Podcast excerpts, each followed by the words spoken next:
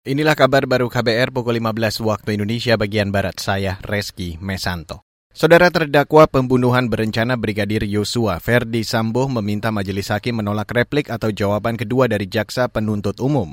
Koordinator tim penasihat hukum Sambo, Arman Hanis menilai, uraian replik JPU tidak memiliki dasar yuridis untuk menganulir nota pembelaan Sambo. Hal itu disampaikan Arman saat sidang duplik di Pengadilan Negeri Jakarta Selatan hari ini. Untuk satu, menerima seluruh dalil duplik dari tim penasihat hukum terdakwa Ferdi Sambo. Dua, menolak seluruh dalil replik dari penuntut umum.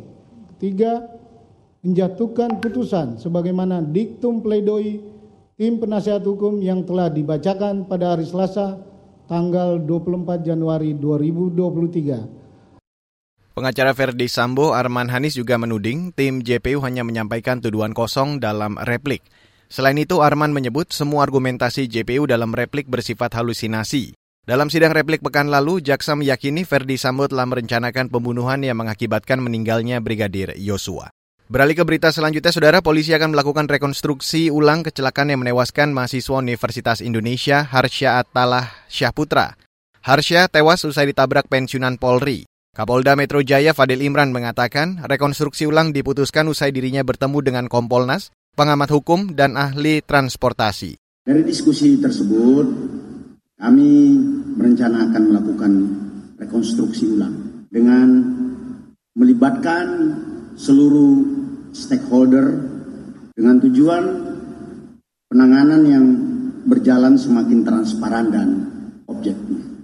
Sebagai Kapolda, saya sudah menginstruksikan untuk ditangani secara objektif, profesional, dan melibatkan ahli-ahli terkait. Kapolda Metro Jaya Fadil Imran memerintahkan jajarannya untuk menerapkan investigasi ilmiah dalam pengusutan kasus ini.